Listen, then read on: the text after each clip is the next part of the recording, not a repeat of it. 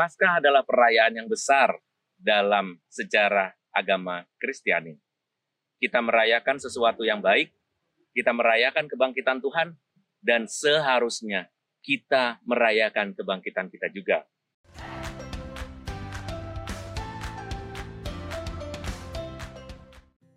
Orang-orang yang sungguh-sungguh merayakan Paskah berani membebaskan diri dari suatu kelemahan, sehingga setiap kali merayakan Paskah, dia sudah mengurangkan kelemahan-kelemahannya. Saudara-saudari yang terkasih, apa yang sudah kita kurangkan dalam masa prapaskah yang baru lalu?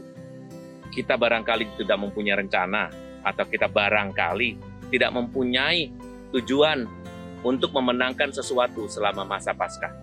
Tetapi sekarang kita ingin membuat hidup kita lebih baik. Maka caranya adalah dengan mencari apa yang bisa membuat kualitas hidupku jauh lebih baik sekarang ini. Mari mencari, mari melihat, dan mari memenangkan. Pertama, menangkanlah dirimu untuk sesuatu yang berulang dan menjadikan dosa-dosa kita berulang terus-menerus. Dosa yang berulang biasanya menyusahkan, menyesakkan, dan membuat hidup kita terseret-seret tidak mampu bergerak lebih jauh lagi.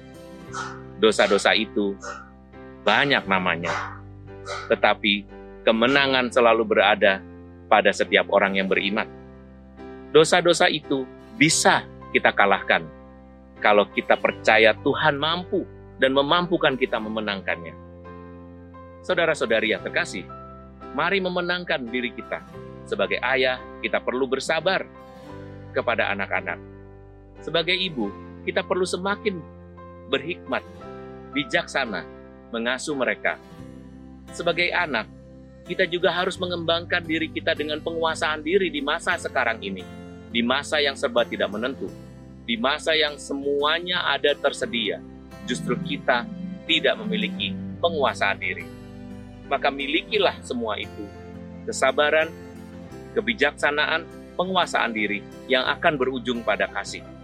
Saya percaya apa yang sudah Anda lakukan selama masa prapaskah kemarin dan sekarang kita rayakan dalam masa Paskah akan menjadi kebangkitan kita bersama.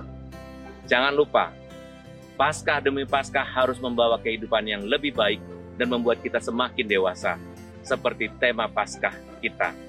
Berhikmat, kita perlu menambah hikmat dan membuat hidup kita semakin berarti.